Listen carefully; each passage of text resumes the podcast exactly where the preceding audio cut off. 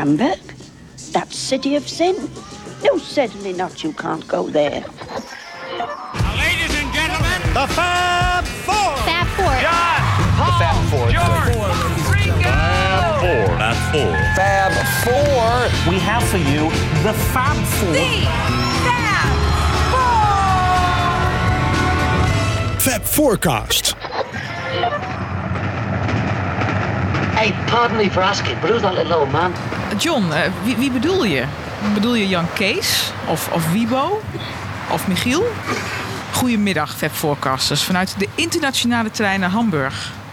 Ik zit hier eh, niet alleen. Ik zit met de drie heren van de Fab Forecast. En mijn naam is Anne Hurenkamp. En eh, ik schrijf wekelijks een blog over de Beatles... die jullie ook eh, meelezen op de Facebookpagina van de Fab Forecast. En we zitten dus in de internationale trein naar Hamburg... met een hele speciale missie. En we zijn er bijna, volgens mij. Hamburg is in zicht. Maar eh, eh, ik spreek jullie zo op de hotelkamer, heren. We gaan eerst even luisteren naar Ringo Starr. Ja, meine Damen und Herren, dann erreichen wir in wenigen Minuten unseren nächsten Vormittag am Burj Bahnhof in der Metropolitan Every time I see your face, it reminds me of the places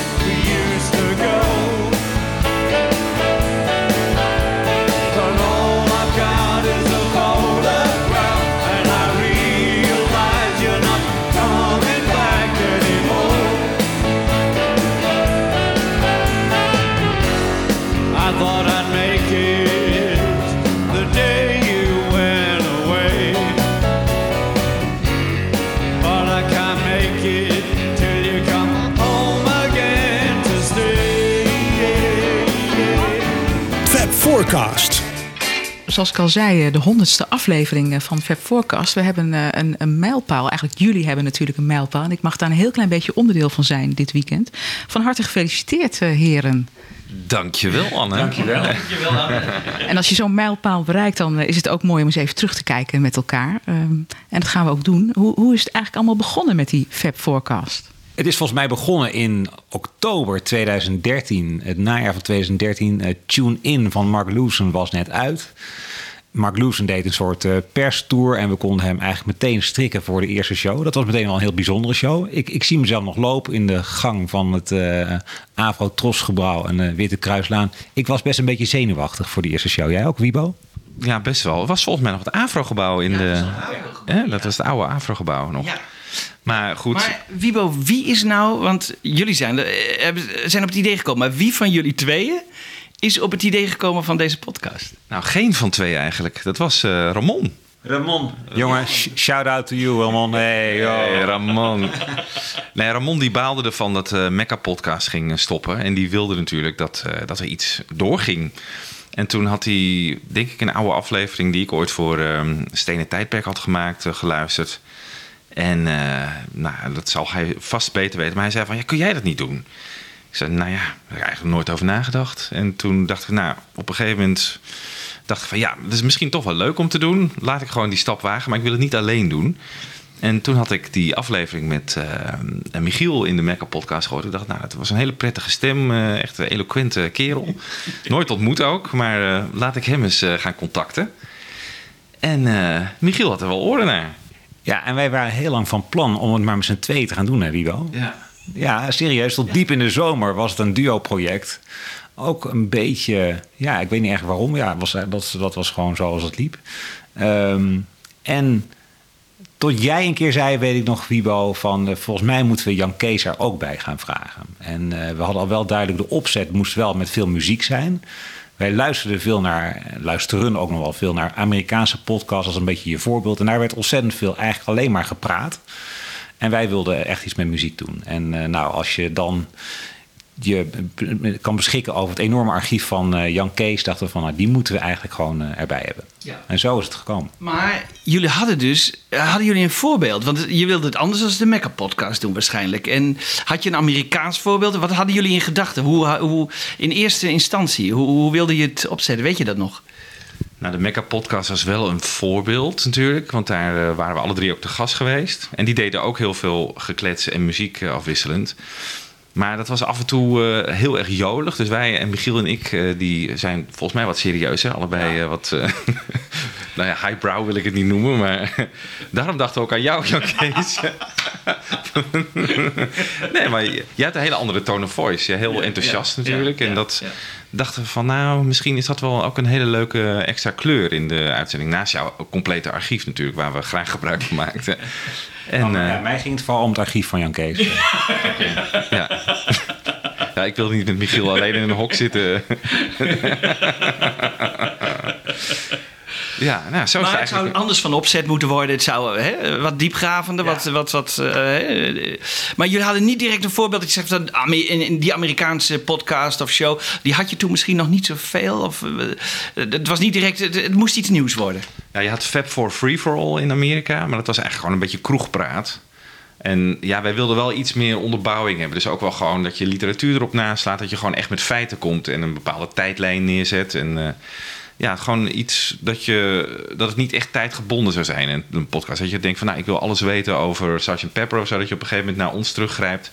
Tien jaar of twintig jaar later. En dat je dan gewoon, oh, deze mannen hebben toen zes series over, of zes afleveringen over Sgt. Pepper gemaakt. En dat kunnen we nu, eh, dat pakken we gewoon weer bij. Maar goed, dan, dan heb je elkaar gevonden. Heb je dan ook een plan in, dat je een, een, een lijn uitzet? Van we gaan eerst eens eh, in, in dit thema duiken... of we gaan alle albums inderdaad eh, behandelen. Wat, wat was jullie plan? Ja, ik weet eigenlijk niet meer of we nou direct een plan hadden. Maar wij, wij, ik weet dat we bij elkaar zijn gekomen. Ik dacht in Den Haag. En toen hebben we allemaal eh, ideeën opgeschreven. Hè? Ieder kwam met ideeën. We kunnen dat doen, we kunnen dat doen. Eigenlijk nog niet eens zo dat we al die albums eh, zouden gaan behandelen. Maar meer van, oh, we kunnen een keer eh, alleen de instrumentalen doen. Of alleen de vocalen. Of eh, ja, we doen de covers. Of, dat soort ideeën kwamen naar voren. Dat, dat kan ik me nog herinneren. Wat, wat herinner jij ervan? Ja, en ik, ik kan me zelf herinneren dat we vooral ook erg keken naar 50 jaar geleden. Want we begonnen natuurlijk in 2013, was wat eigenlijk een ideaal startpunt. Want dat was ook een beetje de, de grote take-off van de Beatles natuurlijk, 63, een beetje rond die tijd. Dus eh, ja, de eerste shows gingen bijvoorbeeld over de BBC-box die net was verschenen.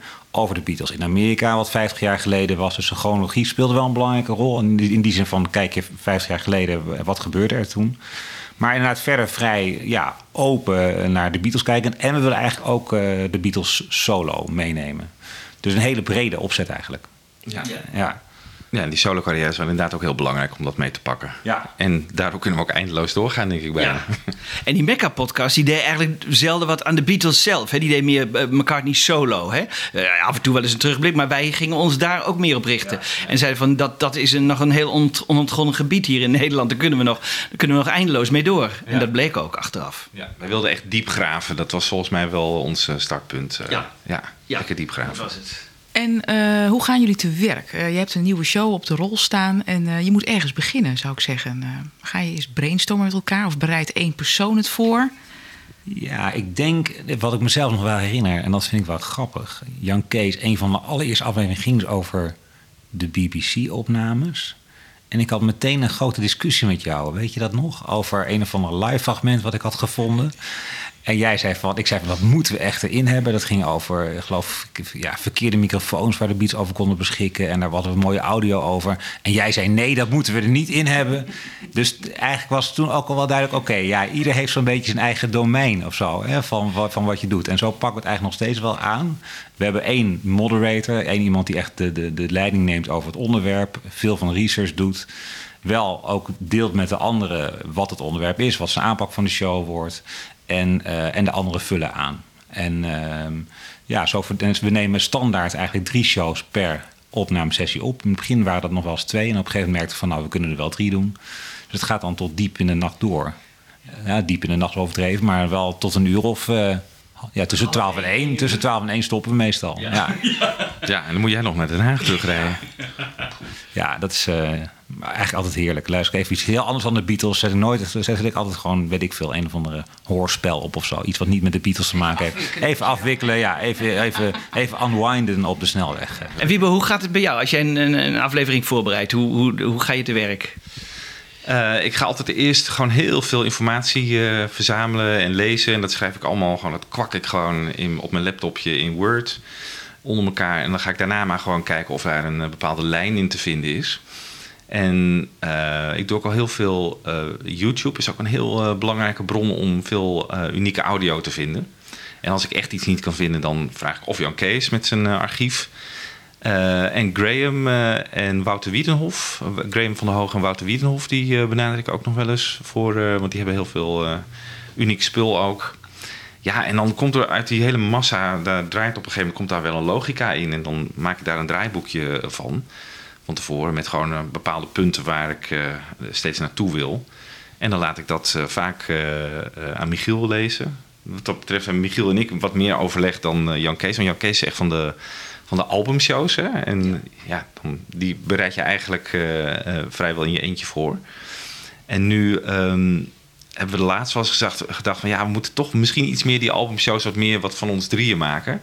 En dat hebben we bij de Magical Mystery Tour Show eigenlijk voor het eerst geprobeerd. Om, eh, om ons ook wat meer aan het woord te laten. Anders wordt het natuurlijk een heel erg solo eh, show. En, dat, en toen hebben we de tijdlijn er een beetje in, in verweven. Gewoon van, nou, wat gebeurt er eigenlijk om dat album heen? Wat doen ze daarvoor? Gebeurt er tijdens de opnames nog, nog dingen? Zijn ze bijvoorbeeld, eh, krijgen ze een MBI of weet ik veel?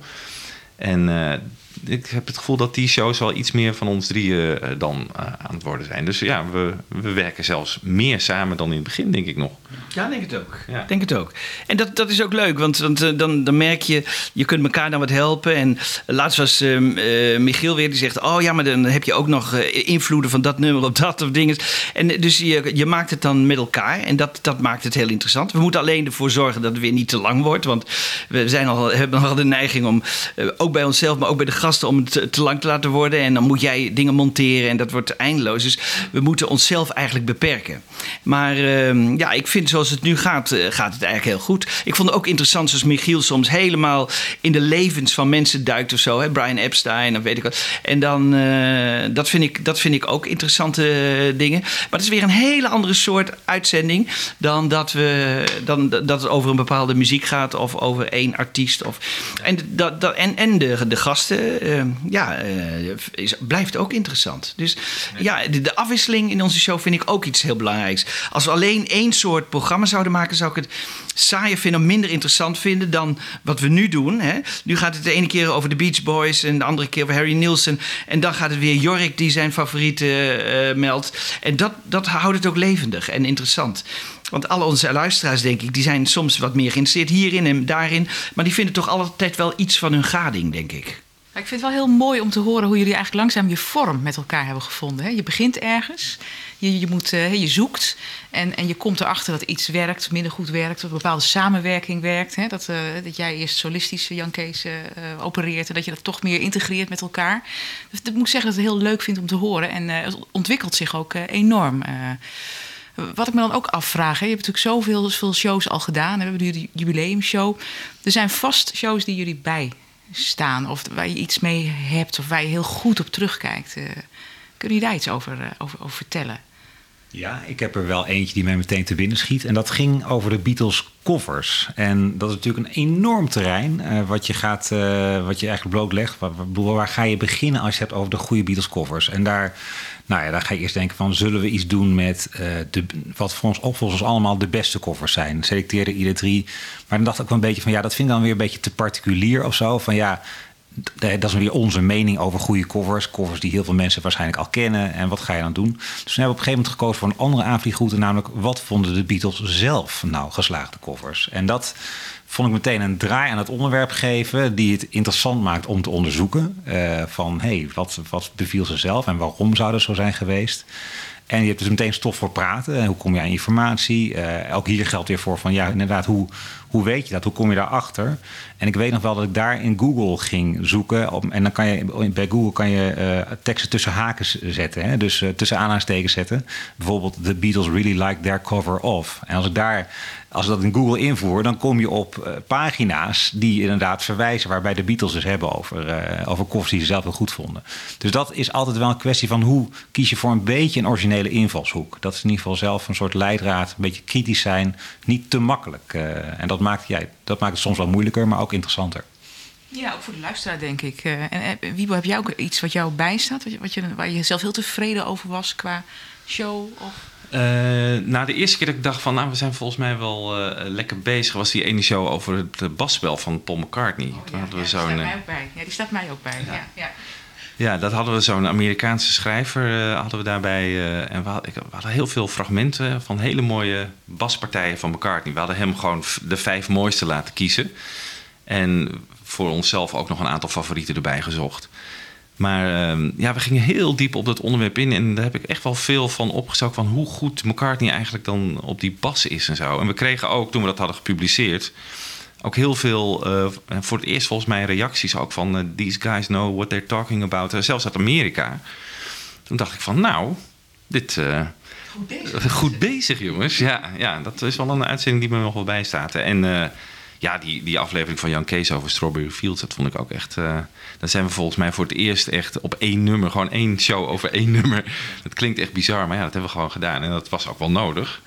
Hoe eh, complex dat nummer in elkaar steekt. Maar dat vond ik ook echt wel echt een mooi monnikenwerkje. Dat was een. Er eh, zat zo'n mooie montage in van jou. Die, die is mij ook bijgebleven. Volgens mij in het hele proces van totstandkoming. Hè, met met, eh, met de, de demo's of dingen die hij zelf in heeft gespeeld, Lennon. En dat, dat heb jij heel mooi in elkaar gezet toen. Die, dat vond ik echt zelf als luisteraar een heel knap staaltje.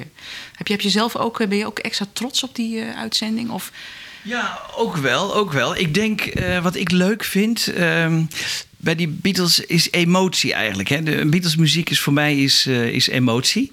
En eh, wat ik bijvoorbeeld eh, een hele mooie aflevering vond, was de kippenvel aflevering. Want dan merk je aan de luisteraars, wat vinden zij nou? Er zijn, bepaalde fragmenten waarbij mensen dus zeggen, "Oh, hier krijg ik echt even kippenvel. En dat vond ik heel bijzonder. Een ander moment voor mij was eh, de Get Back aflevering, omdat ik daar ooit eh, de- eh, bij betrokken ben geweest in het begin. En toen Hans Schiffers in de studio kwam, was toch een beetje teruggaan voor mij eh, in mijn eigen leven. Dus dat vond ik ook een heel mooi emotioneel moment. En wat ik.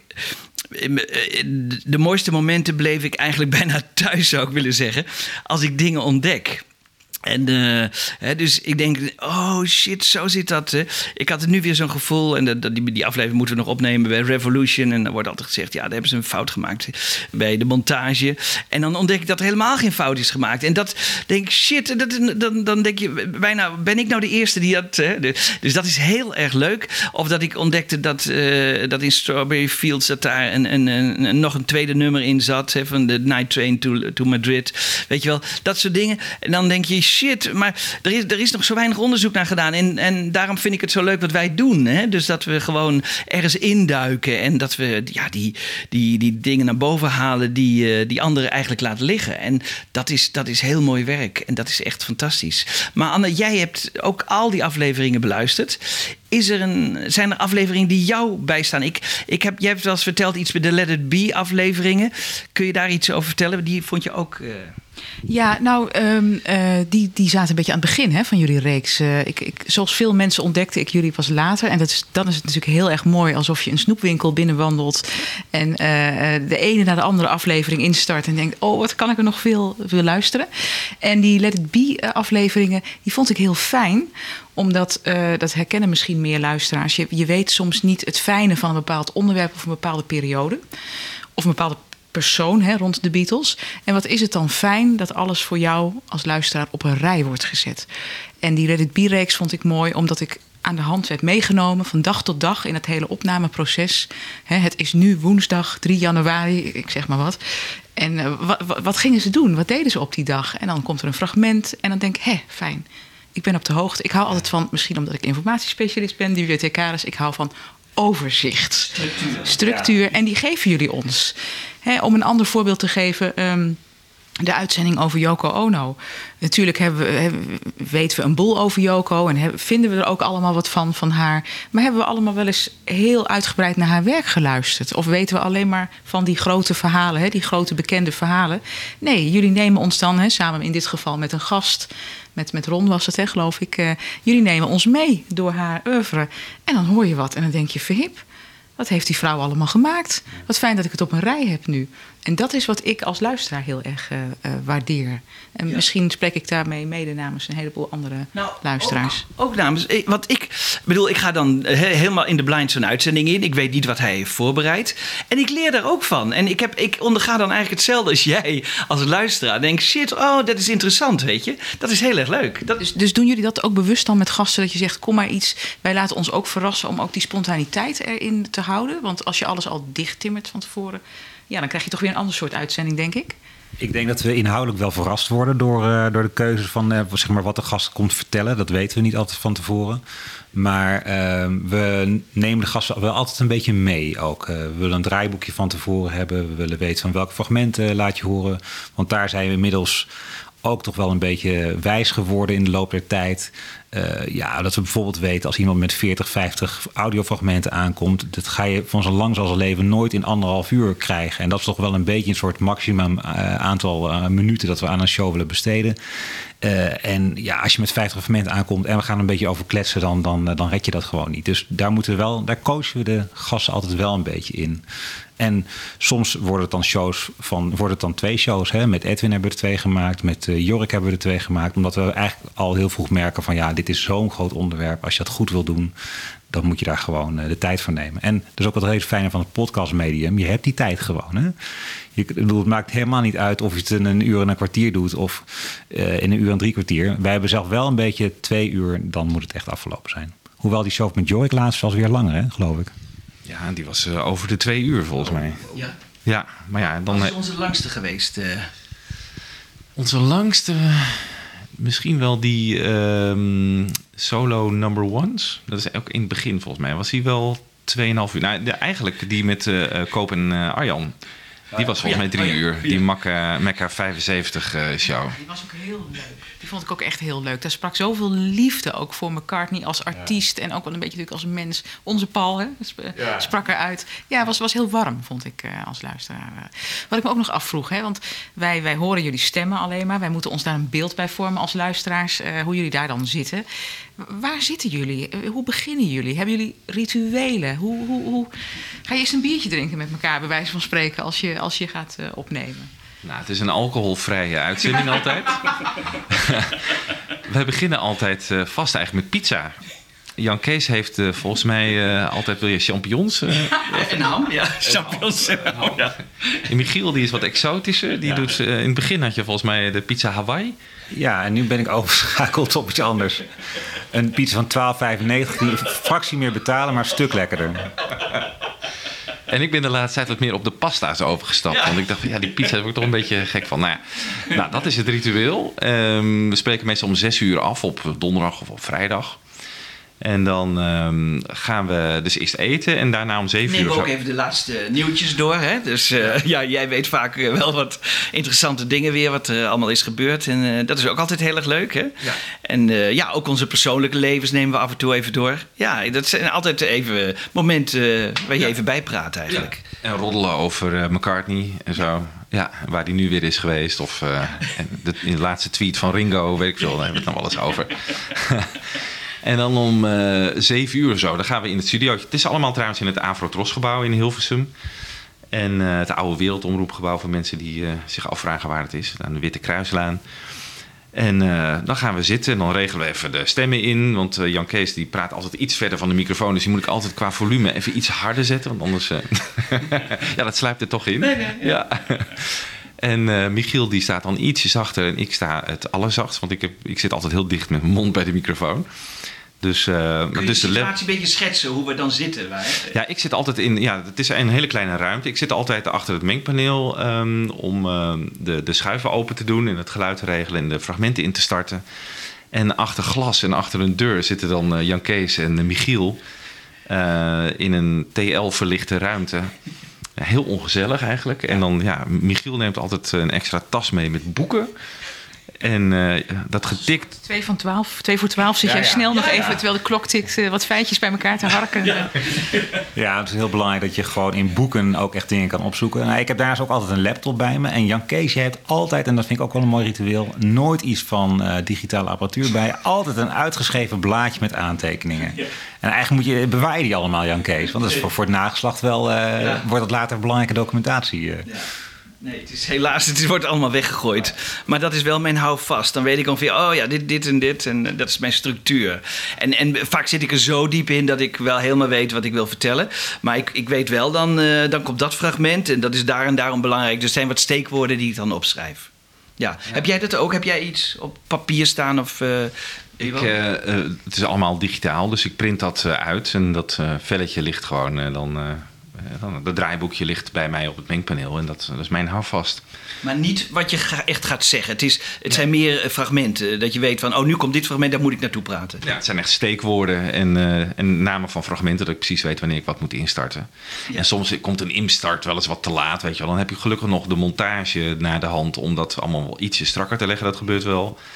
Eh, sowieso luister ik het altijd even helemaal door voordat we het online zetten. Dat, eh, want we hebben soms ook wel eens dan... hebben we een fragment nodig. Van, nou, dat hebben we niet. Oh, nou, dan moeten we er toch maar even... Dan praten we er wel naartoe en dan monteer ik dat er later in. Dus dat soort dingetjes gebeuren ook wel. Ja, dat is het voordeel van podcast natuurlijk. Het is geen live-uitzending. Nee, maar het heeft wel, toch, het heeft wel sterk het karakter van een live-uitzending. Ik begrijp dat je er soms nog iets tussen zet. Of. Stel dat je een niesbui krijgt, dan wil je dat eruit Ja. halen. Ja. Maar toch, als luisteraar komt, eh, komt het bij mij toch wel over alsof er rechtstreeks tegen mij gesproken wordt. En dat, Ja. nou, dat is een compliment ook, vind ik. Daar heb ik even een vraag over. Als ik naar de radio luister, dan maak ik mij een beeld van. Hè? Hoe ziet het daar in die studio eruit? Heb jij dat ook? Heb jij een beeld toen je voor het eerst luisterde... dat je dacht van, oh, die mannen zitten zo of zo... of eh, zo ziet dat eruit? Of had je een idee van hoe, hoe, hoe mensen eruit zagen? Of hoe, eh, heb je, maak je daar beelden bij? Of, Ja, natuurlijk. Ik denk dat iedereen dat doet. En, en als je dan zegt, eh, we zitten in een TL-verlichte ruimte, dat beeld heb ik niet. Hè? Als ik jullie warme stemmen allemaal hoor, dan denk ik... Ik wil niet zeggen dat er een fles wijn op tafel staat en dat Ja. de kaarsjes branden, dat niet. Maar ik, ik heb wel een bepaald sfeer, een beeld van een sfeervolle ruimte daar. Maar dat is dus blijkbaar iets anders. En ook dat jullie dicht bij elkaar zitten. Want jij, Wibo, zit dan achter het glas of elders. Nou, dat zie je dan gaandeweg wel eens in fotootjes. Als jullie wat met ons delen. Wat dat betreft vind ik het ook leuk dat jullie op Facebook zitten. Dat we soms een kijkje achter de schermen krijgen. Eh, dus ik heb er als luisteraar gewoon een, een, een knus, een warm eh, beeld bij. Dus dat doen jullie heel goed eigenlijk. Hè? Dat, eh, Nou, dankjewel zeg, ja. Het is daar ook ontzettend warm. ja. Als je wel een warm beeld hebt, dat warme beeld, dat klopt ook. Er is geen goede airco, geen goede ventilatie. Dus het is daar eh, eigenlijk vaak niet te harde, met name in de zomer. Maar goed, we klagen niet. We kunnen het ook een beetje luchten. Ja, precies. En na een uitzending dan gaan de deuren weer open en dan gaan we even allemaal eh, even bijkomen. En ja, wat Michiel al zei, de, de uitzendingen duren soms, soms echt wel tot eh, ja, één uur, soms ook half twee is het wel eens geworden.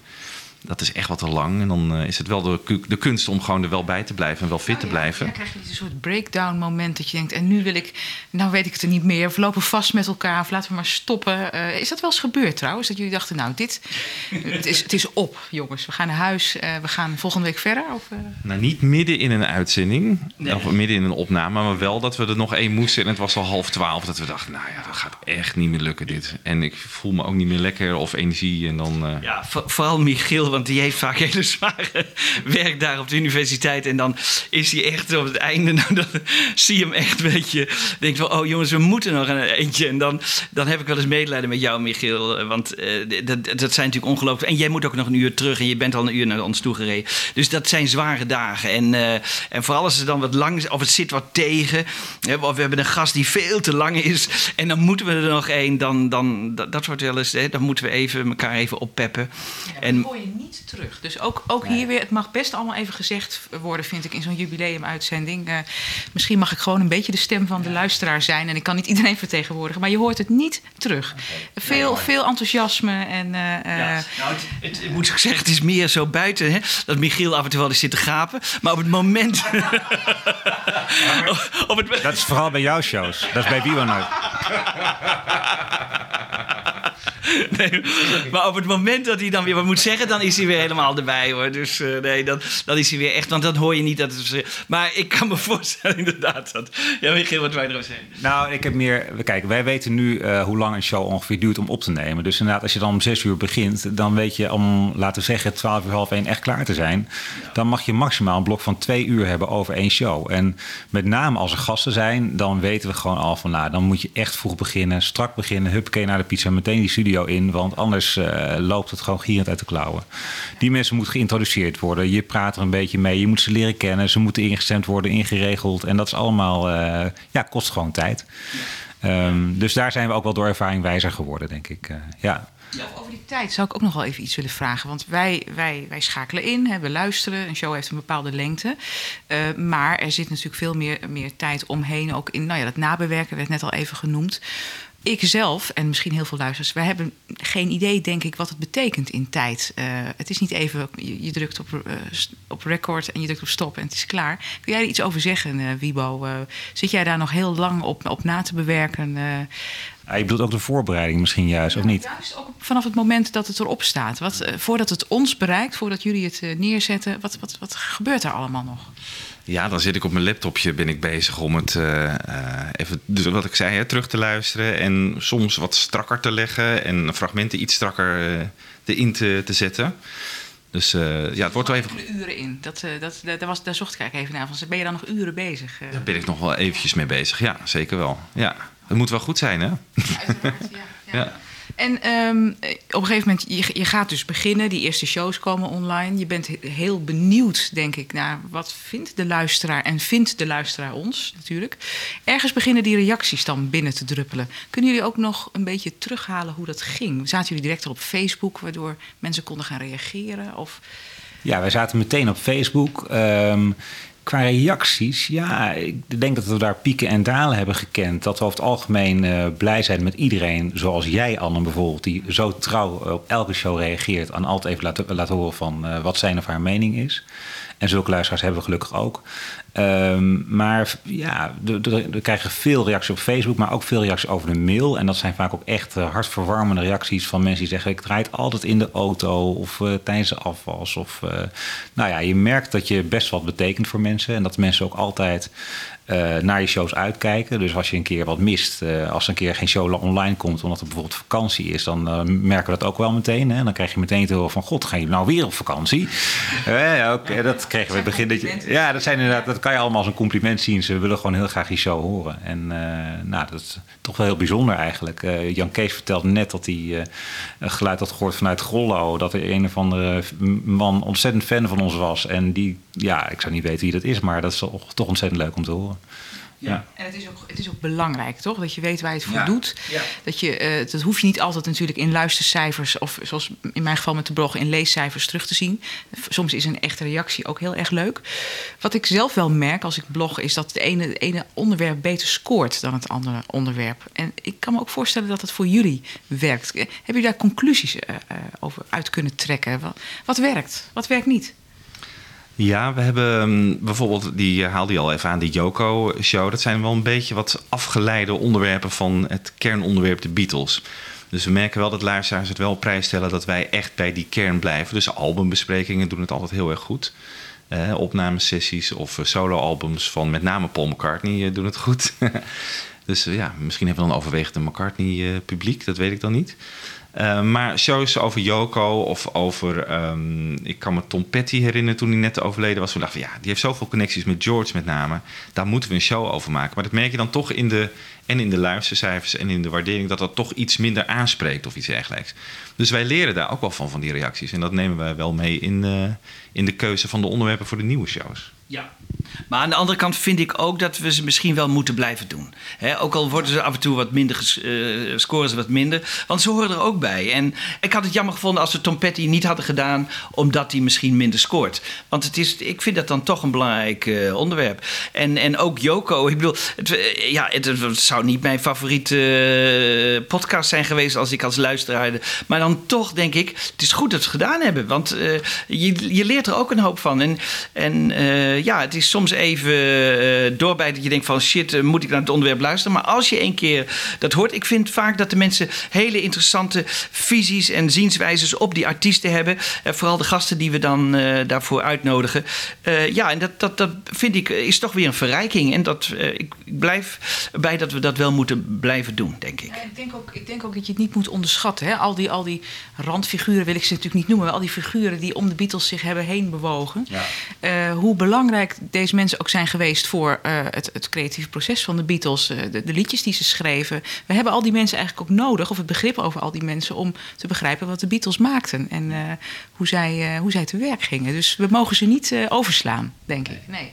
Nee, ik vind het soms ook wel een beetje eh, ja, wel, wel moeilijk. Want soms zijn die afgeleide shows juist voor ons ook wel interessant. Hè? Even, even weg van die Beatles als je er vijf jaar lang met een podcast... eh, je bent er eigenlijk gewoon dagelijks mee bezig, laten we eerlijk zijn. Dagelijks dat je even op de site zit. Of, eh, nou, dan, dan is het juist wel leuk om een keer een andere artiest... eh, een keer een biografie te lezen en te kijken van... hé, hey, wat zijn nou de links met de Beatles? Dus, eh, en ik vind soms ook... Ja, we hebben één show gehad eh, met, eh, met een wel heel ver verwijderd verband... namelijk de Beatles en Harry Banning.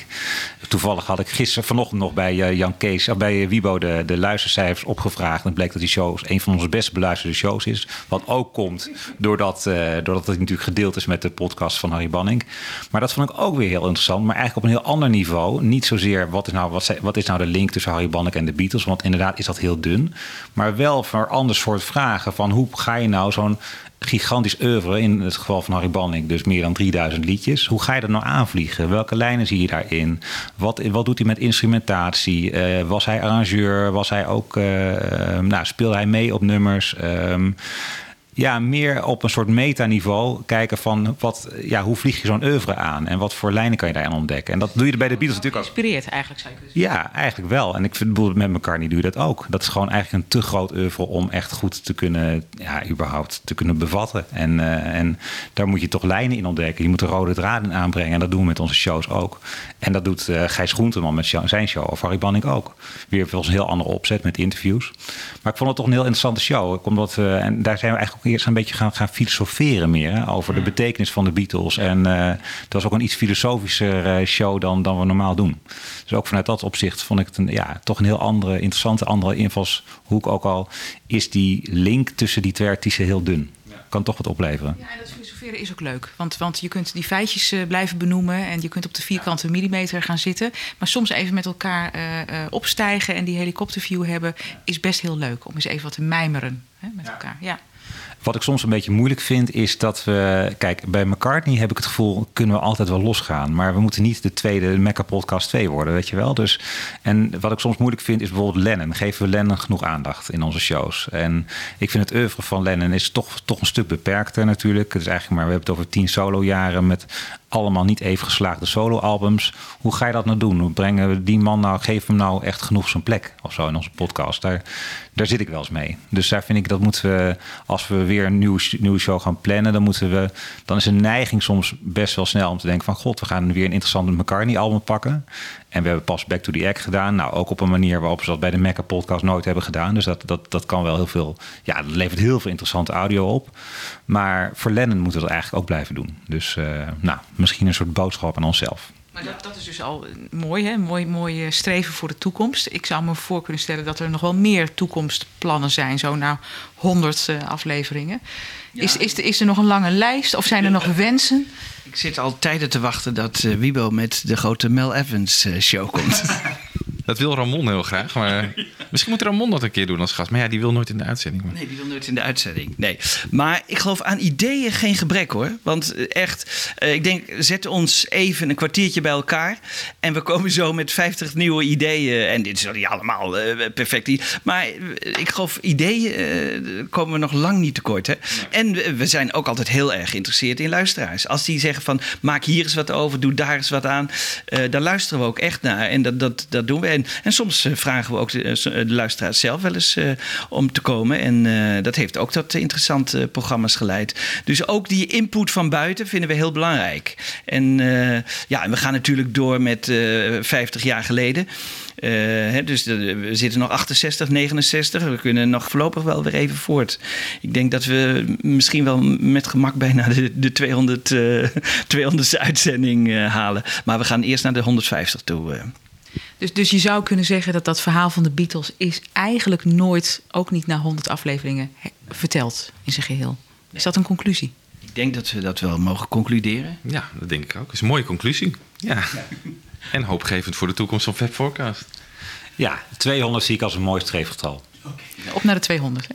Oké, dank je. Maar wat gaan we nu doen, eh, Anne? Ja, we- gaan even switchen, want we zitten dus eh, in Hamburg eh, inmiddels eh, in de hotelkamer. En we hebben eigenlijk best een hele spannende dag met elkaar voor de boeg. Want we gaan rondlopen eh, op de plekken waar de Beatles eh, eh, ja, landen. Hè? Eigenlijk letterlijk en figuurlijk landen. eh, in, eh, wanneer was het ook alweer? We moeten zo terug, we moeten de straat op. Hè? We gaan in de voetsporen van de Beatles eh, door Hamburg lopen. We gaan terug naar augustus 1960. En we eerst maar even een nummer, dan eh, lopen we er vast aan toe. Ja, wat vind jij een goed nummer eh, uit die Hamburg-tijd? Misschien iets?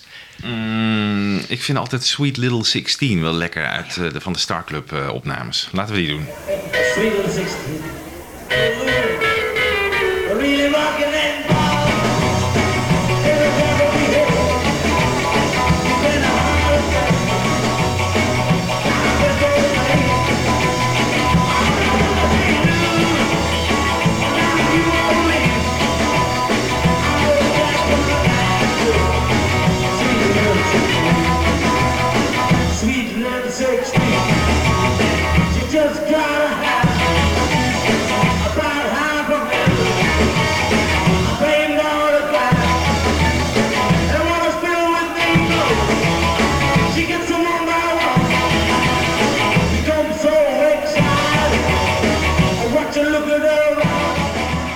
that time, we were just kids let off the leash, really, come straight from Liverpool to Hamburg.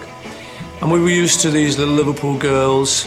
But by the time you got to Hamburg, if you, if you got a girlfriend there, she was likely to be a stripper. It was the only kind of people who were around at the time we were around late at night there. Everything else was such a buzz, you know, being mm. right in the middle of the naughtiest city in the world at 17 years old. It was kind of exciting. And learning, you know, about, well, there's all the gangsters and there's the transvestites and there's the, you know, it was like that, there's the hookers. For someone who'd not really had much sex in their lives before, which none of us really had, to be suddenly involved with a sort of hardcore striptease artist who obviously knew a thing or two about sex um, was quite an eye opener. Fat Forecast. Oké, we zijn eh, inmiddels eh, eh, vanuit de hotelkamer met de metro naar, eh, wat, hoe heet het? Sint Pauli heet het hier, hè? Gegaan. Sankt Pauli. Sankt Pauli gegaan. Ja. En eh, we staan aan, het, eh, aan de Reeperbaan en op Beatlesplatz bij eh, het, ehm, het kunstwerk dat hier volgens mij een aantal jaren geleden is neergezet met de silhouetten van de Beatles. Waarbij Stuart Sutcliffe een beetje apart staat. Dat vinden we wat Ja. bijzonder, hè? Ja, hij had er eigenlijk gewoon bij toch? Hij was wel onderdeel, nou ja, de helft ongeveer van de tijd van de Beatles hier besteden, dat Stu erbij was. Ja, en hij hoort hier zo. Hij hoort Ja. bij de verhalen van Hamburg. Ja. Ja, want hij is hier ook overleden destijds. Ja, ja. Maar goed, we staan aan het begin hier van eh, eh, de plekken eh, waar het allemaal gebeurde. Ja. Kun je eens even beschrijven, Jan Kees, hoe ziet die repenbaan er eigenlijk uit? Nou, dit is echt vergane glorie, jongens. Dit is Ja. echt, dit eh, hou je niet voor mogelijk. Dit is de Wallen anno 1980 of zo. Het is echt, het is een beetje eh, shabby. eh, ver- ja, er zijn hier wat zwervers staan hier naast ons. Het is, heel veel gebouwen zijn afgebroken. Daar hebben ze zo'n tijdelijk iets neergezet. Er staat wat dingen in, in, in de stijgers. Maar het is niet veel. Ik bedoel, het is niet... eh, En ik denk dat er heel veel toeristen komen die zeggen van... Oh, seks en zo, weet je wel. Maar ja, voor iemand die wel eens in Amsterdam is geweest... is het eh, niet bijzonder. Ik bedoel, hè? Het is dat het hier heel historisch is. En dat hier zoveel gebeurd is. Maar ik zou hier niet voor mijn plezier naartoe gaan... om dat nou eens te kijken. Nee, nee, nee. Ga jij er voor je, voor je plezier naartoe, Michiel? Of, eh? Ja, ik zat net te denken van volgens mij komen hier twee soorten toeristen op af op deze buurt. Hè. Echt, of, of de mensen die echt voor seks gaan of, of de Beatles fans. Ja. Maar soms ook een combinatie denk ik ja. En maar, maar dat zijn wij niet dan hoor. Maar je ziet wel mensen in clubs binnenduiken inderdaad. Ja, ja, ja. Maar weet je, de seks ligt hier echt op straat. Dat is echt, eh, ja. het is geen plek om met je kinderen rond te lopen. Nee, Eh, nee. We zagen net wel wat kinderen lopen met hun ouders. En die Ja. kijken tegen al die blote dames met opengesperde benen. Het is echt, ja, weet je, het is niet veel. Dit is, eh, nee, dat is niet de bedoeling dat je hier toch met je kinderen toch, eh, hè? Nee. Zijn wij hier alle drie wel eens geweest? Hè? Anne is er nu voor het eerst. Ja. Wat, eh, wat voor indruk maakt dit? Nou, eh, ik, ik, eh, ik wist eigenlijk niet zo goed wat ik moest verwachten van Hamburg. En of het ook zo ging kriebelen als eh, het in Liverpool bij mij deed, een paar jaar geleden. Ik, ik dacht, oh, het zal wel meevallen. Maar toch toen we hier de trappen opliepen vanuit het metrostation, toen begon het wel te kriebelen. Toen dacht ik, ja, ik kom toch weer heel dicht bij die Beatles nu. Ja. En ehm, ik ben ook heel benieuwd wat we zo allemaal gaan zien. Ja, leuk. Nou, we gaan alle plekken, tenminste die hier een beetje in de, op de repenbaan zijn, een beetje af. Waar de Beatles hun stempel hebben gedrukt. En waar ze dus eigenlijk de band zijn geworden die we allemaal kennen en waar we van houden. Ja, die repenbaan. Het is eigenlijk een hele brede weg waar steeds auto's eh, overheen rijden. Wij staan nu dus op het Beatleplatz. Het grenst aan de repenbaan en die kijkt uit. Op de hoek van de Repenbaan en de Grote Vrijheid eigenlijk. En de Grote Vrijheid, dat is eigenlijk... Dat is waar- de straat Dat is de straat hè, waar we moeten zijn. Waar die hè? clubs waren waar ze hebben opgetreden. Ja, ja, dus hier hebben de Beatles honderden keren doorheen gelopen, hè? Denken wij. Ja. Nou, zullen wij maar gewoon eerst naar de Indra Club gaan? Want daar begon het allemaal in augustus 1960. We ended up in Hamburg at um, very late one night. We got the timing wrong. There was no one there to meet us, but we could find Hamburg off the map. But then trying to find St. Pauli, the little district, and Reeperbahn, everyone knew. Oh, Reeperbahn, yeah, it's this way. You go this way, go keep it to. And oh, okay. So we went down. We found the street and the club, but it was all closed.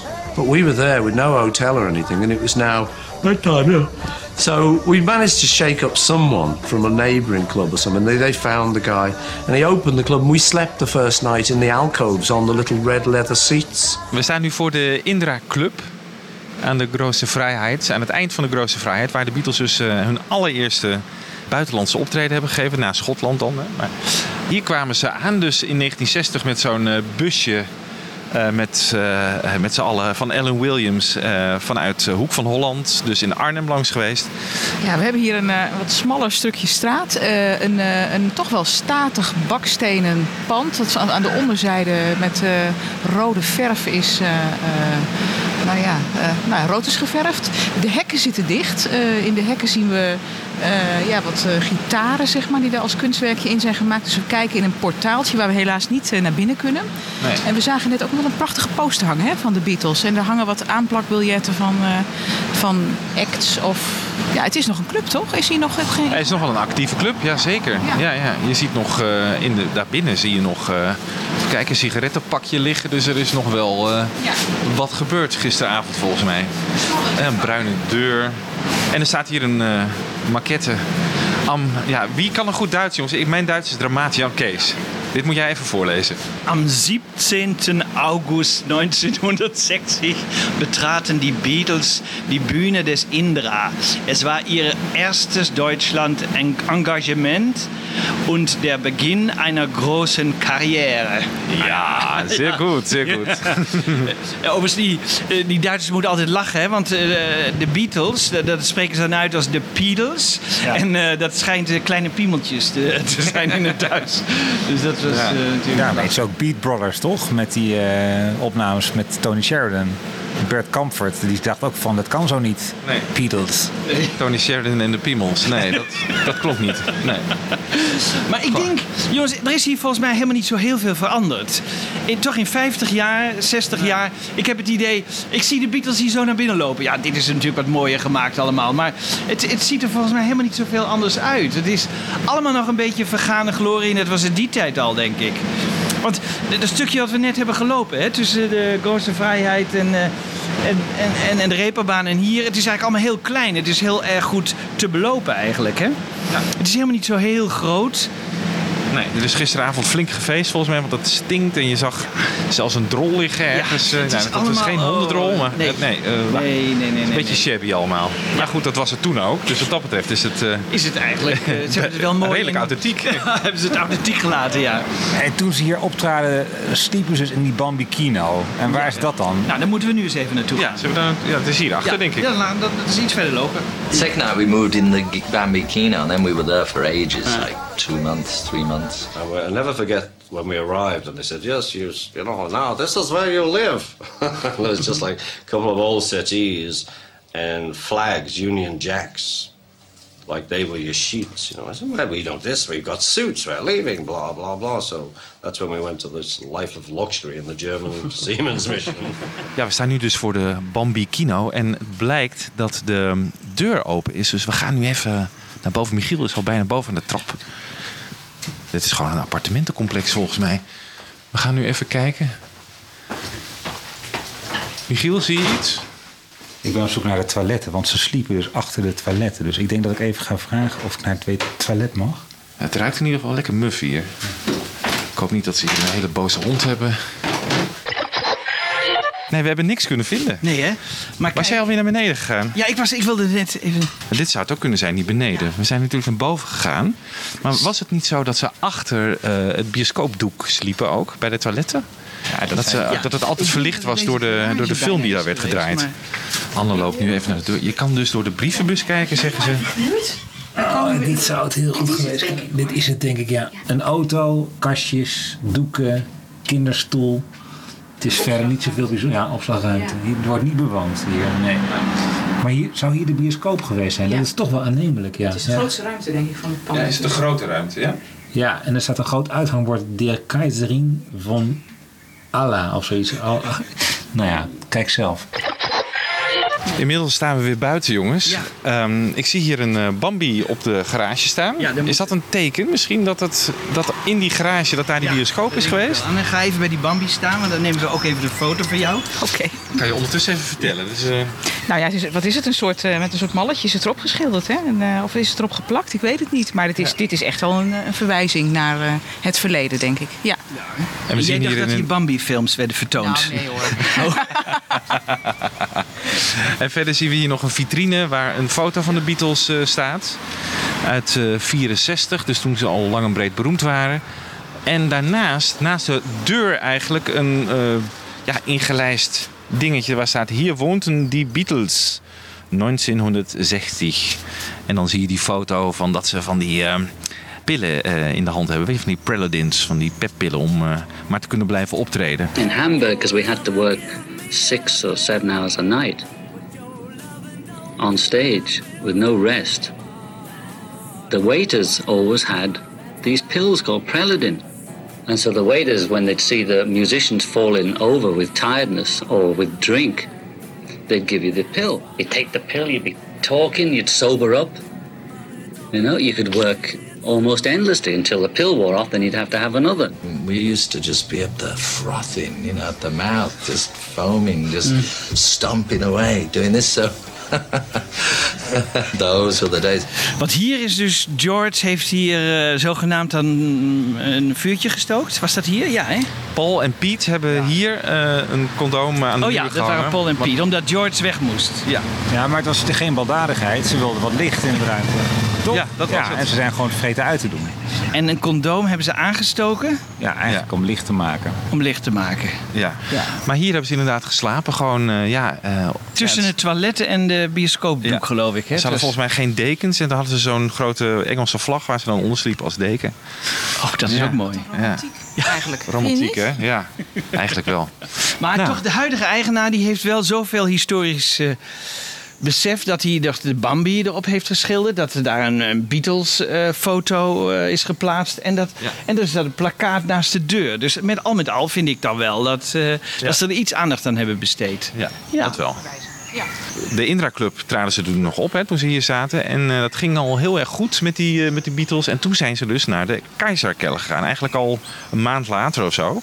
En eh, voor meer geld en meer publiek. Dus eh, laten we daar nu naartoe gaan.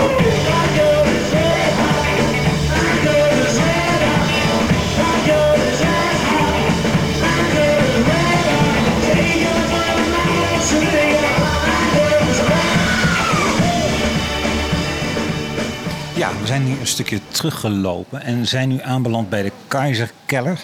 En dat is de plek waar de Beatles in dat najaar van dat jaar 1960, dus vanaf 4 oktober 1960, hebben, zijn gaan optreden. Deze tent was ook, als ik me niet vergis, in eigendom bij diezelfde Bruno Korsmieder. This fella there, he used to say, "No, you've got to make a show for the, the people. He used to come up every night shouting, Show. Hij had dus de Indra en de Keizerkeller. Een grotere plaats om eh, een grotere concertzaal, hè, een grotere plek om op te treden. Dus iets meer, iets meer aanzien. Nou, ook meer een stap naar boven voor de Beatles, denk ik. Ja, en dit was ook de plek waar een jonge Klaus Voorman dus voorbij liep. En die op zwepende, opwindende rock'n'roll muziek hoorde. En daar is zijn eerste ontmoeting met de Beatles. Die vindt eigenlijk hier plaats. Well, first I saw Rory Storm and the Hurricanes. That was the Kaiserkeller with Ringo on drums, and that was already a great uh, band. The band was good, and Ringo was outstanding. I mean, we all know he plays real simple drums, but the way he plays it, nobody can imitate the way he's doing it. He's special, and he was special even then in the very early days. It's You not, were- that, not that he learned it later; he had it in his blood already. And you were abreast right from the start. Yeah. So, and then when did you see the Beatles? Well, Shortly it was after that? Yes, it was a second band. Those two bands were playing in the Kaiserkeller, and they were kind of uh, taking uh, for 45 minutes the one band, then a little break, and then the next band. So the second band that came actually was the Beatles, with Stuart Sutcliffe playing the bass and Pete Best the drums. They blew you away? Completely. Completely, yeah. Ja, dat was Klaus Vormen even die dat eh, vertelde in een eh, oude uitzending van Schiffers.fm. Ja, wat zien we hier verder nog? Ik zie daar nog een oude poster. Keller met eh, Rory Storm en His Hurricane. en de Beatles, England, Liverpool. En een, natuurlijk ook weer hier een eh, plakkaat aan de muur. Eh, waarvan ik dan denk ik maar niet ga vragen aan Jan Kees of je dat wil voorlezen. Want het is een best een lap tekst. maar het gaat erover ja, natuurlijk dat ze hier eh, eh, hebben gespeeld. Ja, en hier, dat is wel interessant, hier is er nog een, een, een soort oude brief. Hè, die ze hebben kunnen, toen de Starclub is afgebrand, hebben ze dit nog kunnen redden uiteindelijk uit de brandende puinhopen. En dat is van Bruno Koschmieder Betriebe. En dat is waarschijnlijk een, ehm, ja wat is het? Eh, we zien hand... contract van de Beatles eh, dat zij ja, zouden gaan Ja. optreden voor die Bruno Korsmide. McCartney zie ik nog, Stuart Sutcliffe, een En een handtekening. stukje George Harrison zie je ook nog. Een stukje George Harrison Ja. zie je nog. En dat is toch wel heel bijzonder hè, dat ze dit hebben terug kunnen vinden in die oude puinhopen daar. Dat is wel eh, historisch materiaal toch. En ik vind het heel erg leuk dat ze dat hier dan weer zo tegenaan hebben. Ze- er is toch wel een enig historisch besef hier. Hè, dat, dat ze hier al dit soort dingen hebben aangebracht. Ja. Er is nog wel een actieve club, hè, want hier worden gewoon nog concerten gegeven. Deze maand bijvoorbeeld ook een Beatles eh, coverband. Grappig is, hier zie je ook dat Rory Stone was in die tijd eigenlijk nog veel groter hè, dan de Beatles. Hè, want ze zeiden dus ook tegen de Beatles, nou, die, eh, pas maar op, die Rory Stone komt hier binnenkort.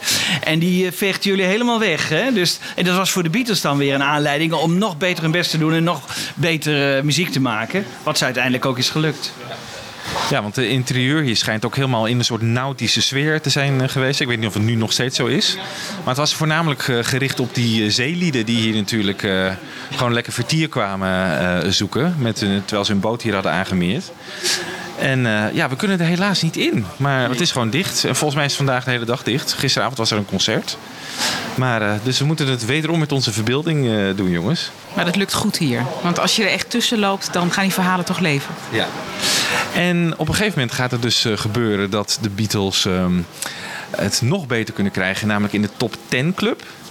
En die is van een andere eigenaar. En dat vond eh, Bruno Koschmieder. Koschmieder. Die vond dat niet zo leuk. En toen begonnen er dus eh, problemen te ontstaan. Nou, zullen we naar de top 10? I was 17 and when we first went out there, and we went to the Indra Club and then got moved to the Kaiser Keller. And then that ended up with us getting the gig to go to the top 10 club. And right before that happened, I got busted for being underage. The top 10. That was the club we, we, we were ambitious to play at.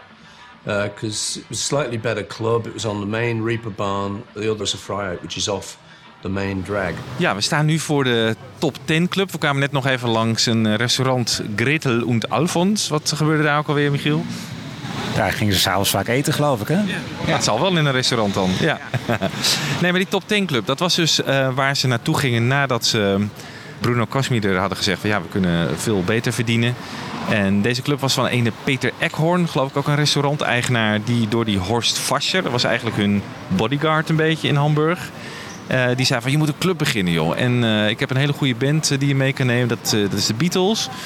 En ehm, ze hebben hier in, als ik mij niet vergis, november 1960 even gespeeld. En toen zijn ze dus het land uitgezet. Want toen werd bekend eh, bij de autoriteiten, waarschijnlijk door die Kosmieder, die eh, had verteld dat George eh, 17 was en dus eigenlijk helemaal niet hier mocht spelen. En wat we al vertelden bij de Bambi Kino, dat eh, Piet en Paul daar eh, eh, zogenaamd brand hadden gesticht door een condoom in de fik te steken. En toen zijn ze naar huis gegaan. Maar ze kwamen terug in 61. In, Jan Kees heeft het hier voor zich in april. Ja, even kijken. 27 maart tot 2 juli hebben ze hier bijna 100 avonden gespeeld. dus echt een flinke periode. Eigenlijk misschien wel het langst van alle clubs. Ja, misschien de Star Club erbij. Eh, samen met de Star Club waar ze het langst hebben gespeeld.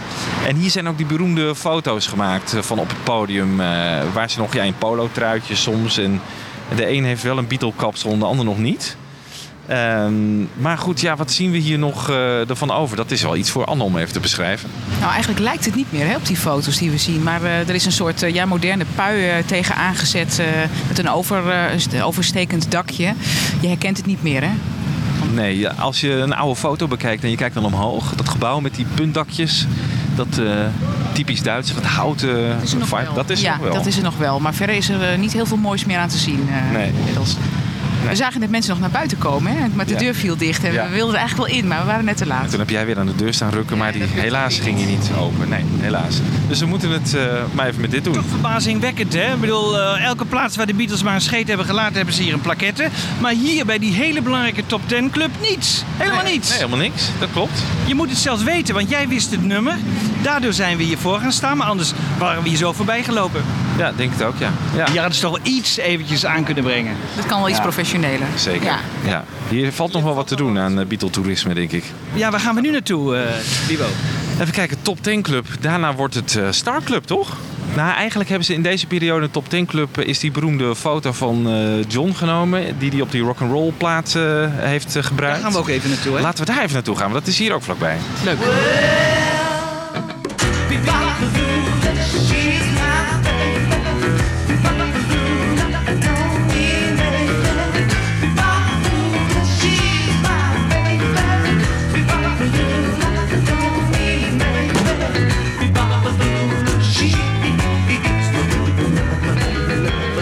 Nou, we zijn nu eh, bij de Jegerpassage. Dat stond hier heel groot boven. eh, ja, een soort. Het is echt een passage. hè? En eh, we staan voor een hek. Het is het zijn een soort gang, een overdekte gang door de huizen heen. Ja. En dan komen we in een ander straatje. Maar er staat hier wel een deur en die is gesloten. Zullen we eens kijken hoe dit... Ja. Jij bent niet bang daarvoor, dus eh maar gewoon open. Het is gewoon, wordt bewoond nog. Kijk, hij gaat open. Hij gaat open. Yes, yes, yes. Oké. Nou. Moet je kijken wie daar staat. Jongens, dat is toch ook wel heel toevallig. Sterk, hè, dit allemaal. Zo. Tim op het broek. Ja, goedemiddag. Woon je hier of zo? Ik, ja, ik heb het net gekocht. Ja? Ik, ja, ik was er helemaal klaar mee met Nederland. ik dacht, ik ga op de Jegerpassage wonen. Ja, prachtig gebouw. Helemaal niet onderkomen ook. Dus ik dacht, dit, Nee. eh, dit moet ik hebben.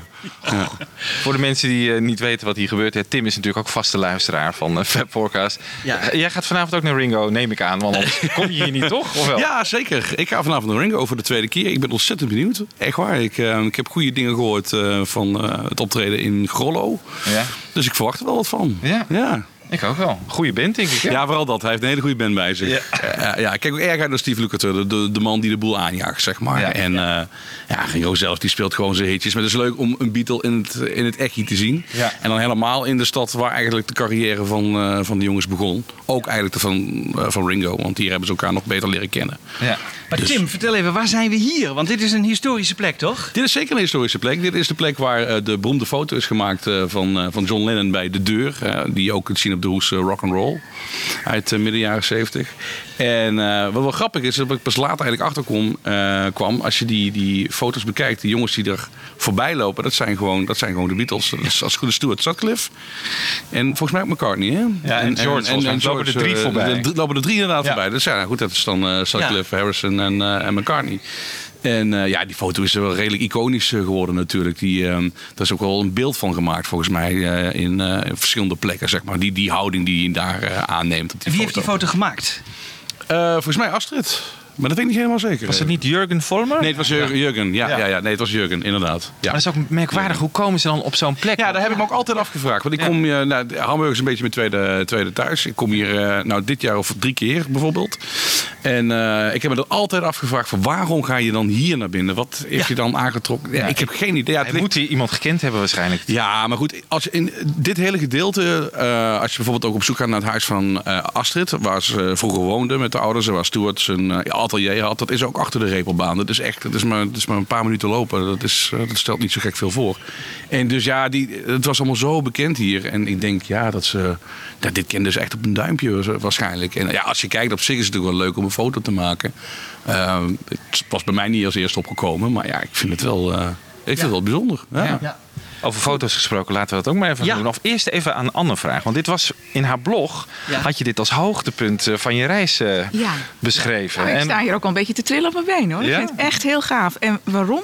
Omdat deze plek eigenlijk zo nog duidelijk lijkt op hoe het was. Ja. En we zijn natuurlijk die hele eh, stad, het hele gebied al doorgelopen. En, en je moet af en toe goed kijken of het er nog op lijkt. Maar deze plek, die kun je zo, je kunt het zo goed reconstrueren. We zien de gaten in de muur nog precies op de plekken zitten. Hè, waar, waar die op die foto van Lennon eh, ook zaten.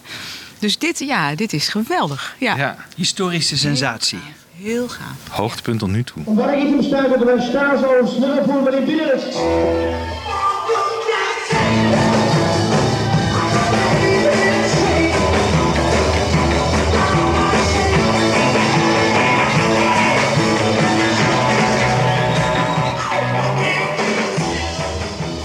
We hebben hier de Top 10 Club eigenlijk net gehad. En nu staan we waar ooit de Star Club was. En die Star Club die is afgebrand. Welk jaar denk je ongeveer? Eh, ja, natuurlijk even de literatuur op nageslagen. 1983 is hij afgefikt. Heeft hij Eigenlijk hadden ze die toch misschien moeten herbouwen? Of wat vind je? Of is het zo wel goed? Ja, het was een grote zaal. Hè, want ik las dat er 2000 mensen in konden. Dus het was gewoon echt een flink eh, fors ding. Ja, dan moet er natuurlijk wel eh, publiek zijn om daar eh, weer een actieve live eh, zaal van te maken. Dus ja, ik weet het niet. Misschien hebben ze dat... Ja. het, het is nu in ieder geval niet veel soeps. Je ziet echt dat het nieuwbouw is. En er zit een soort pleintje in het midden. Ja. Je moet je dan voor... Ik denk dat het hele complex hier, dat dat eh, Star Club is geweest, eerlijk gezegd. Wow. Ja. Ja. Michiel, eh, stel je even voor, het is begin jaren 60. Wij lopen hier op een avond door in Hamburg, St. Pauli. En we gaan die Star Club binnen en daar spelen die Beatles. Zou je dan als argeloze voorbijganger de kwaliteit van die Beatles hebben kunnen ontdekken? Wat een moeilijke vraag. Ja, we weten natuurlijk dat dat eh, niet altijd makkelijk is geweest. Hè, want genoeg mensen die die kwaliteit niet hebben onderkend. Onder meer mensen iets, iets later dat jaar bij Decca. Ehm, maar ja, ik, ik, ik ben dan toch wel. Ik vind dat, dat verhaal van eh, wat we net hoorden van Klaus Voorman dan toch wel over- overtuigend. Hè? Dat het toch opzwepend was. Eh, Astrid Kirsch heeft het later ook gezegd dat ze er trots op was dat zij al foto's heeft genomen van voordat ze beroemd waren. Omdat ze iets in die jongens zag. Dus ik denk, ik weet niet of ik het zou hebben herkend, maar ik denk dat het wel van het podium afspatte. En zeker in die Star Club, dat was dus voor hun toch het hoogtepunt van hun bestaan hier in Hamburg. Hè. Ze zijn daar klein begonnen, naar Indra, en komen uiteindelijk in de grootste club van de, van de straat eigenlijk uit. Ja, maar die persoonlijkheden van McCartney, Harrison, Lennon, dat zou er wel al af. Het waren natuurlijk hele ruige shows. Hè? En eh, bedoel, als, als, als, wie was dat? eh Korsmiede, die zei Max Schau. Dat, dat, deed, dat deden ze natuurlijk ook. Was het niet met Lennon met, met een playbril om zijn... Om zijn, nee, om zijn En als gorilla. Ja, als gorilla, ja. Ik denk dat het wel levendig was. Het moet enorm veel energie hebben gehad. Dat vind ik toch wel... eh, en, en, maar, en maar doorploeteren. We hebben net even in metro ge- berekend van hoeveel, hoe lang hebben ze hier gezeten. Nou, misschien wel een jaar van hun eh, bestaan als artiesten... als je al die maanden optelt. En dat waren lange dagen. Want eh, net in de Keizerkeller met, met, eh, met Rory Storm en de Hurricanes... dat waren gewoon sets... Gewoon, ja, weet ik veel, misschien wel, wel hoeveel sets per dag. Een stuk of, een stuk of acht. Ja. Ja. En maar door... moesten ze acht uur per dag eh, optreden, Ja. toch? In het weekend eh, Ja. maken. nog langer misschien wel. Ze maakten die liedjes toch ook heel lang. Hele lange liedjes, What I Say, van een half uur. Ja, gewoon uitrekken. Ja, en hier is dan die hele beroemde opname gemaakt hè, van de Star Club eh, op tape, die we nog steeds eh, kunnen beluisteren. Ooit eigenlijk officieel uitgebracht? Of is dat een, eh, dat weten jullie... eh, Nee, dus, ja, wel officieel in de jaren zeventig geloof ik, maar niet eh, namens Apple of de Beatles. Die wilden het volgens mij toen al tegenhouden.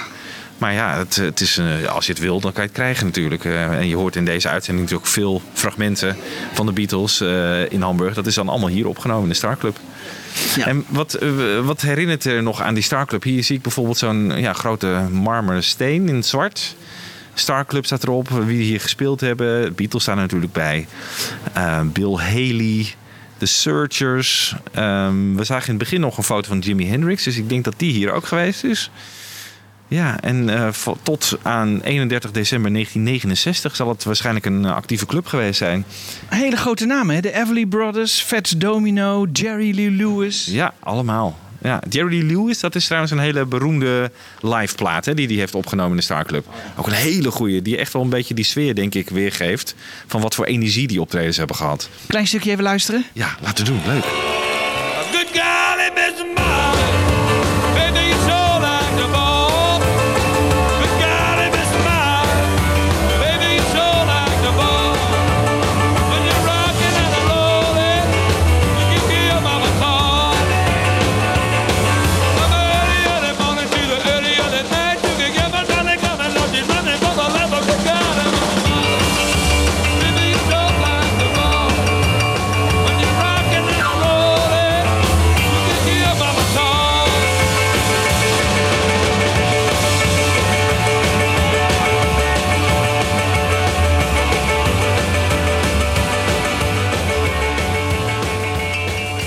Van de Star Club eh, naar een politiebureau hier eh, aan de Reperbaan. Jongens, politie zie ik groot staan. Wat is hier gebeurd? Volgens mij zijn Paul en Piet hier, ehm, eh, hebben hier meerdere uren vastgezeten. Omdat eh, George minderjarig was en zij toen uiteindelijk die, die condooms hebben aangestoken. Ja, precies, in de Bambi-kino. In de Bambi-kino. We were just sort of walking down the Reeperbahn, with not step out, come with me. And we were put in jail for about three hours, first time in our lives, you know. Bloody hell, German jail. Dus Paul McCartney heeft, hij zegt, ik had nog nooit in de cel gezeten, in, eh, maar dat is dus niet waar. Want eh, hè, voor, eh, voor Japan, hè, wanneer was het? Eh, 1980 of eh, heeft hij dus wel in de cel gezeten. En eh, dat was dus hier. Dit, politie, dit politiebureau schijnt overigens heel bekend te zijn uit allerlei series en, en, en, en films. Die wordt veel gebruikt. Dit is natuurlijk het centrum waar alle alle, alles wat misging hier in St. Pauli, die eh meldde zich hier natuurlijk. En eh, ja, dit is dus wel een beroemd, ja, een beroemd decor eigenlijk ook in deze, deze hele Beatles-geschiedenis. Zeker. We wilden eigenlijk nog even naar binnen. Anne, jij toch? Ja, we willen overal naar binnen, hè, waar we er dichtbij kunnen komen. Ik zag net dus ook weer iemand naar buiten komen, dus de deur is open. Ja. Maar dan moeten we onszelf misschien gaan aangeven als eh, enorme Beatle-gekken. Van sluit ons alsjeblieft op. Ja. Beatle-maniakken. Ja. Ja, nou het ziet er nog volgens mij echt heel authentiek uit ook. Met het St. Pauli Theater eh, naast.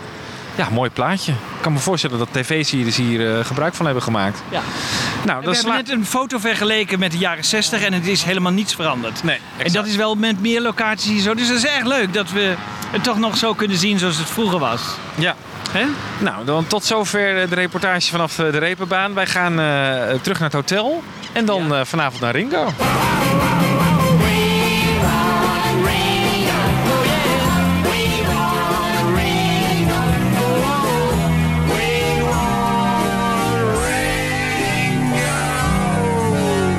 Ja mensen, wij waren net eh, onze laatste stukken schnitzel achter onze kies aan het duwen. En toen kregen we een, eh, een bericht van Tim op het broek. Die belt mij en met het verschrikkelijke bericht dat de show van Ringo gecanceld is en verplaatst wordt naar morgen vanwege stemproblemen van Sir Ringo. I've got a bit of a. Well, I haven't got a bad throat, but the doctor thinks I have.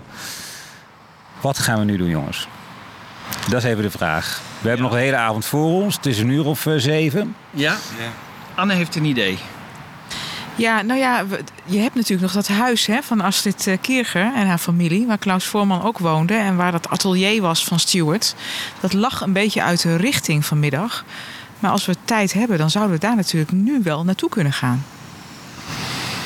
Ja, dat kan. Ja. kan. We kunnen ook in de kroeg gaan zitten. ja, nou, zullen we dat maar doen dan? Ja. anders... Oké, eh, ja. Ligt een beetje uit de route wel, maar ja. Zielig voor Anne als we dat niet doen. Nee. Nou, oké. Oké, Anne. We doen het voor jou. Ja. Oké? Oké, gaaf. Nou, dan gaan we. The ones who became our real friends were the ones who, like, who are known now as Klaus Bormann, Jürgen Vollmann, and Astrid, who took all the famous photographs of us at that period. Hallo, ich bin Jan-Christer Brüch aus Holland. Äh, ich habe eine, eine fremde Frage, aber wir sind Beatles-Fan und äh, das Konzert von Ringo heute Abend geht nicht durch und äh, nur, nur sind wir hier in der Gegend. Und wir haben eine Frage, können wir vielleicht einen Moment oben gucken, wo Astrid Kirche gewohnt hat, hätte und die berühmte Beatle-Fotos gemacht sind? Ja, danke sehr. Wat gaat ze doen, hè? Gaat ze even vragen. Oh, wat spannend. Do me a favor, open the door and let him in. Wij lopen nu in het eh, ouderlijke huis van de familie Kircher. Jan Kees heeft dus net aangebeld. En we mogen warempel boven komen. Dus naar de zolder waar Stuart Sutcliffe zijn atelier had. En waar die beroemde foto's van eh, John en George zijn. Die Astrid heeft gemaakt na de dood van eh, Stuart. En eh, nou ja, we lopen nu een paar trappen helemaal omhoog. En we gaan zo meemaken. We mogen binnenkomen. Dat is natuurlijk hartstikke gaaf. Na de canceling van het concert van Ringo. Ah, genau hier. Das ist, war das nicht das? We staan weer, eh, weer buiten na ruim een uur hier eh, te hebben vertoefd aan de, hoe heet het hier? Eimsbütteler Straße 45a. Heel goed. Ja, wat een ongelofelijke ervaring, eh, Anne. Ja, we- staan hier dus voor het huis van de familie Kircher, waar Astrid eh, woonde. En eh, waar ook dus later eh, Stuart Sutcliffe bij haar is ingetrokken. En ehm, eh, we stonden hier en we stonden een beetje te dralen. Hè, van, wat, wat gaan we doen? Gaan we aanbellen? En toen was daar Jan Kees, die zomaar op de bel drukte van de bovenste etage. Waar veel bijzonders mee aan de hand is. Of niet, Jan Kees? Ja, nee, ik belde aan en ik zei... "Goh, Ja, we zijn uit Nederland en we, we gingen eigenlijk naar het concert van Ringo... maar dat gaat niet door. En nu staan we voor het huis. Zouden we heel even boven mogen kijken? En toen zei die mensen... Ja, ik zal even vragen aan mijn man. En toen even later kwam ze terug. Ze zei, ja, kom maar boven. En, Anne- en wat gebeurde er toen, Anne? Nou, dan gaat de adrenaline wel door je heen. En ik denk niet alleen door mij, als ik heel eerlijk ben. Dus die deur die ging open. We komen in een, in een groot donker eh, trapportaal. En we lopen al die treden op. Hè. De spanning bouwt zich dan ook op. Eh, helemaal naar die bovenste etage. Historische En, eh, trap eigenlijk? Ja, de, de historische trap nog. Hè, met de originele leuning waar al die Beatles handen aan hebben gezeten, denk ik. En dus zwaait boven een deur open. En we staan opeens in een hele mooie, verlichte eh zolderetage. Een soort loft. En eh, daar staan twee aardige mensen voor onze neus. En ehm, ja, dat was een bijzondere plek.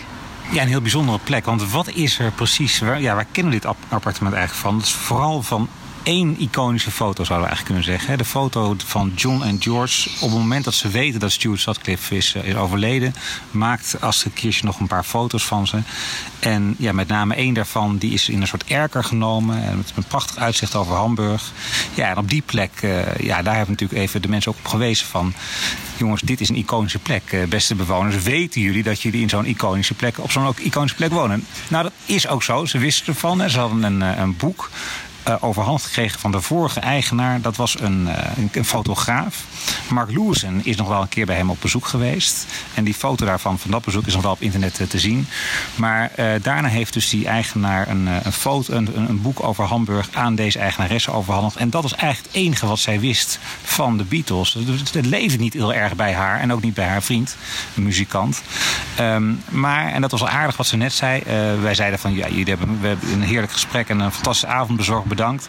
En zij zeiden ook van, ja, de Beatles zijn wel meer voor ons gaan leven nu. Dat vond ik heel leuk dat ze dat aan het eind zei. eh. Ja, ze hadden ook nog nooit van Stuart Sutcliffe gehoord. Hè? We hebben haar wat eh, schilderijen van Stuart laten zien. Van, ja. ja, die zijn hier gemaakt in dit atelier. Want Stuart had daar zijn atelier. Ja. Dat wisten ze dus helemaal niet. Ja, dat is toch wel bijzonder dat we echt van twee kanten eigenlijk dit bezoek eh, echt heel erg eh, leuk is geweest. Ja, heel bijzonder.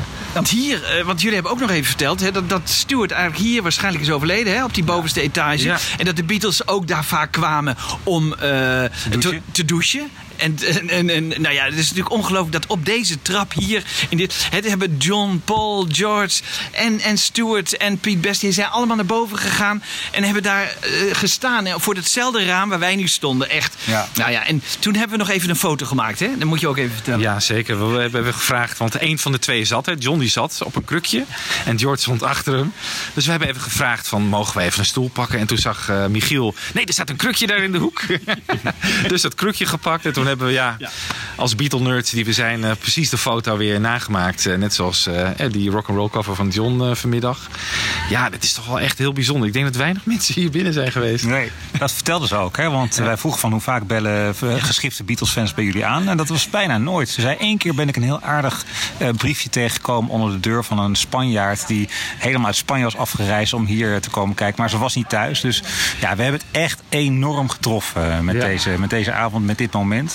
Ja. En je zou bijna kunnen zeggen van misschien is het niet zo heel erg dat dat concert is afgelast. Eh, of zeg ik nu iets heel ergs, eh, jongens? Ik vind het eigenlijk ook wel, ja. Nee, dit, dit, hier, dit, hier kan toch niets tegen op. Die Ringo, die zien we nog wel een keer ergens. Maar dit? Nee, dit was fantastisch. What's my name? What's my name? Just just in case anybody forgot. Fab Forecast. Ja, we zitten nu eh, af te pilsen in eh, de hotelbar van ons eh, hotel hier in Hamburg. En eh, ja, jongens, wat een enerverende dag. Ringo ging niet door, maar eh, ja, Anne wilde per se natuurlijk naar dat eh, huis van de Kirgis. En dat was eigenlijk een hele goede beslissing, Anne. Ja, wat een verrassing hè, hadden we daar. ja. En het is al gaaf als je voor zo'n huis staat. Maar wat we mee hebben gemaakt is, was echt fantastisch, vond ik. Ja. En de repenbaan, hoe, hoe beviel die? Nou, die was eigenlijk net zo sleazy, denk ik, als in de jaren, begin jaren 60. eh. ja, dat vond ik, ik. Toen ik terug in het hotel was, wilde ik die repenbaan wel even van me afwassen hoor. Echt. Hadden wij niet zo last van, Michiel, geloof ik? Nee, ik heb niet, niet, ge- niet gewassen het hele weekend eigenlijk niet. Nee, jongens, we hebben echt een fantastische dag gehad. Eh, ik vond het een zeer memorabele trip eh, door, door Hamburg. En eigenlijk vond ik inderdaad, nou, we zijn het denk ik allemaal over eens dat eh, dus het, het plekje bij de Jekerstrasse en die straat van mevrouw eh, Kierger. Nou, ik ben de naam weer vergeten, maar dat dat het meest emotioneel was eigenlijk ook. En eigenlijk ook bedachten we omdat het voor de Beatles zelf zoveel betekend heeft, hè, die plekken. Die plekken hebben voor de, Beatles zelf veel betekend. Eh, dat Lennon, die, die, die moet een foto kiezen voor zijn rock'n'roll album. En dan kiest hij juist die foto. En ik denk dus ook voor George en, en Ringo moet die plek van Astrid ook wel echt iets betekend hebben. Een plek waar, die tot rust kon, waar ze tot rust konden komen. Even gewoon uit de hectiek van die reperbaan. eh, even wassen. En eh, ja, ik vond het wat dat betreft heel erg speciaal om daar te staan. Het was een hele, hele bijzondere avond, vond ik. En eh, het was iets wat we niet eh, snel zullen vergeten. Dus zowel de Jegerstrasse als dit huis van Astrid waren voor mij echt ongelofelijke hoogtepunten. Die je niet makkelijk meer zal kunnen inhalen eh, bij andere. We weten het natuurlijk nooit. Maar ik kan me, ik kan me niet voorstellen dat, dat ik ergens nog. dat dit zo overtroffen zou, zou worden. Hey, even terug naar Ringo, want die hebben we dan toch wel gemist. Wat denk jij, Wiebo? Baal je er nog steeds heel erg van? Of, of, of komt dat nog wel een keer? Nou, ik weet niet of het nog een keer komt, want eh, meneer is al 78 eh, komende maand. Maar goed, ja, die, die eh, dat bezoek daar, dat heeft zoveel goed gemaakt. Ik baalde er wel een beetje van, maar ik, ja, ik heb hem al een keer eerder gezien in 2011. En daar ben ik dan toch wel blij om, want ik heb hem gewoon een keer gezien. Als dat niet gebeurd was, het misschien wel echt gebaald. Ehm, ik weet niet hoe het bij jou zit, Anne, maar Ik denk dat het gewoon zo moest zijn zoals het moest zijn. Daardoor hadden wij deze prachtige ervaring. En eh, nou, die Ringo, hè, die, eh, die zien we misschien nog wel eens. eh. ik moet eerlijk zeggen, ik vond het al zo indrukwekkend dat, dat ik meeging naar Hamburg met jullie. Dat ik af en toe ook vergat dat we ook nog Ringo Starr gingen zien. Dat mag ik misschien helemaal niet zeggen. Maar ik dacht, oh ja, we hebben ook nog dat concert. En misschien vooraf, hè, die gedachte, zegt het al iets over het gewicht wat je aan het ene en aan het ander hangt. Het was heel leuk geweest, maar het was zo ook heel goed. Precies. Nou, eh, wij zaten even te denken, waar gaan we mee afsluiten, jongens? Nou, we waren dus bij die Kirgus eh daar binnen. En die man, de, man des huizes, was jazzgitarist. En die liet ons eh, tijdens het gesprek dat we met hem hadden... een hele mooie versie horen van Norwegian Wood... die hij zelf had eh, ingespeeld met eh, volgens mij zijn bandje destijds, zijn jazzbandje. En eh, de man was heel enthousiast toen wij voorstelden... om dat nummer ook echt te gaan draaien in onze podcast... En eh, nou, laten we daar gewoon mee afsluiten. Norwegian Wood door eh, Axel Fiedelak. Ik weet niet eh, wat de naam van zijn band is, maar Axel is in ieder geval de gitarist die hierop hoort. En nou, wij zwaaien af hier in Hamburg en we gaan zo lekker naar bed. Tot de 101ste podcast. Doei!